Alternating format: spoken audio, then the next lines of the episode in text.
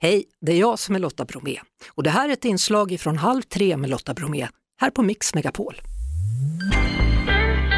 Vet du vad skyddad geografisk beteckning är för någonting? Det är att ett livsmedel som har ett visst namn bara får tillverkas på en viss plats. Men champagne till exempel får ju bara tillverkas i champagne, annars heter det ju mousserande vin. Och nu har polkagrisen fått den här beteckningen.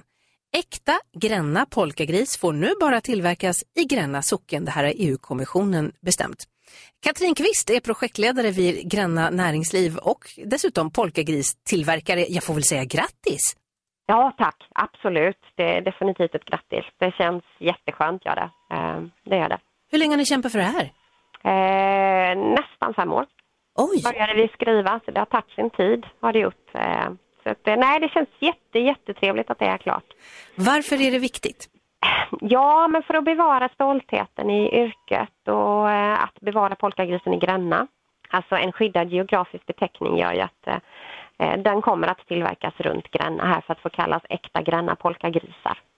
Så, så är det här det gäller. Och sen så har vi ju lite, lite koll på vem det är som bakar egentligen för att man måste uppfylla ganska strikta krav kring ingredienser och hantering och tillverkning och, och sådär. Så att, eh, och de, de har vi ju skrivit ner ihop. Vi har ju ihop polkagrisbagarna suttit och, och skrivit ner vad, vad, hur man ska göra för att det ska bli en perfekt polkagris och, och vi ska se till att det inte ska kunna göras med maskin i framtiden utan det ska alltid kunna, måste alltid göras för hand.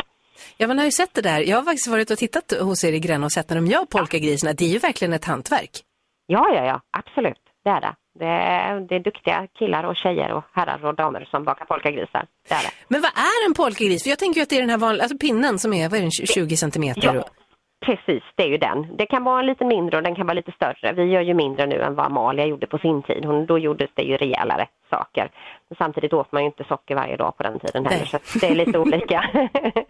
Men det är som du säger, det är ju pinnen eller polkagrisstången eh, som är märkt nu då och det är ju bara den som det är pepparmint smak på, alltså polka.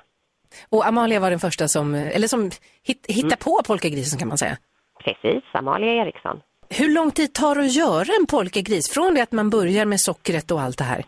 Ja, alltså en kvart, 20 minuter beroende lite på hur snabb uppkokning man har. Eh, man ska ju koka upp en polkagris fort för att den inte ska bli för seg.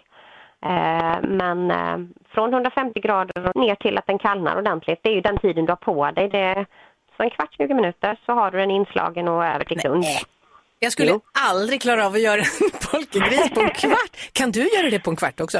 Nej, jag kan inte baka ordentligt.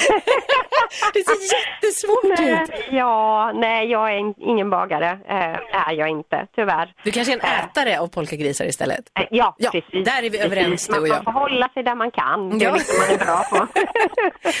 Du, Ja. likt champagne är nu polkagrisen EU-skyddad. Firar du det här med polkagris eller bubbel? Bubbel. Men självklart, ja, självklart firar vi med polkagrisar. Det gör vi också. Men visst blev det bubbel igår, helt klart.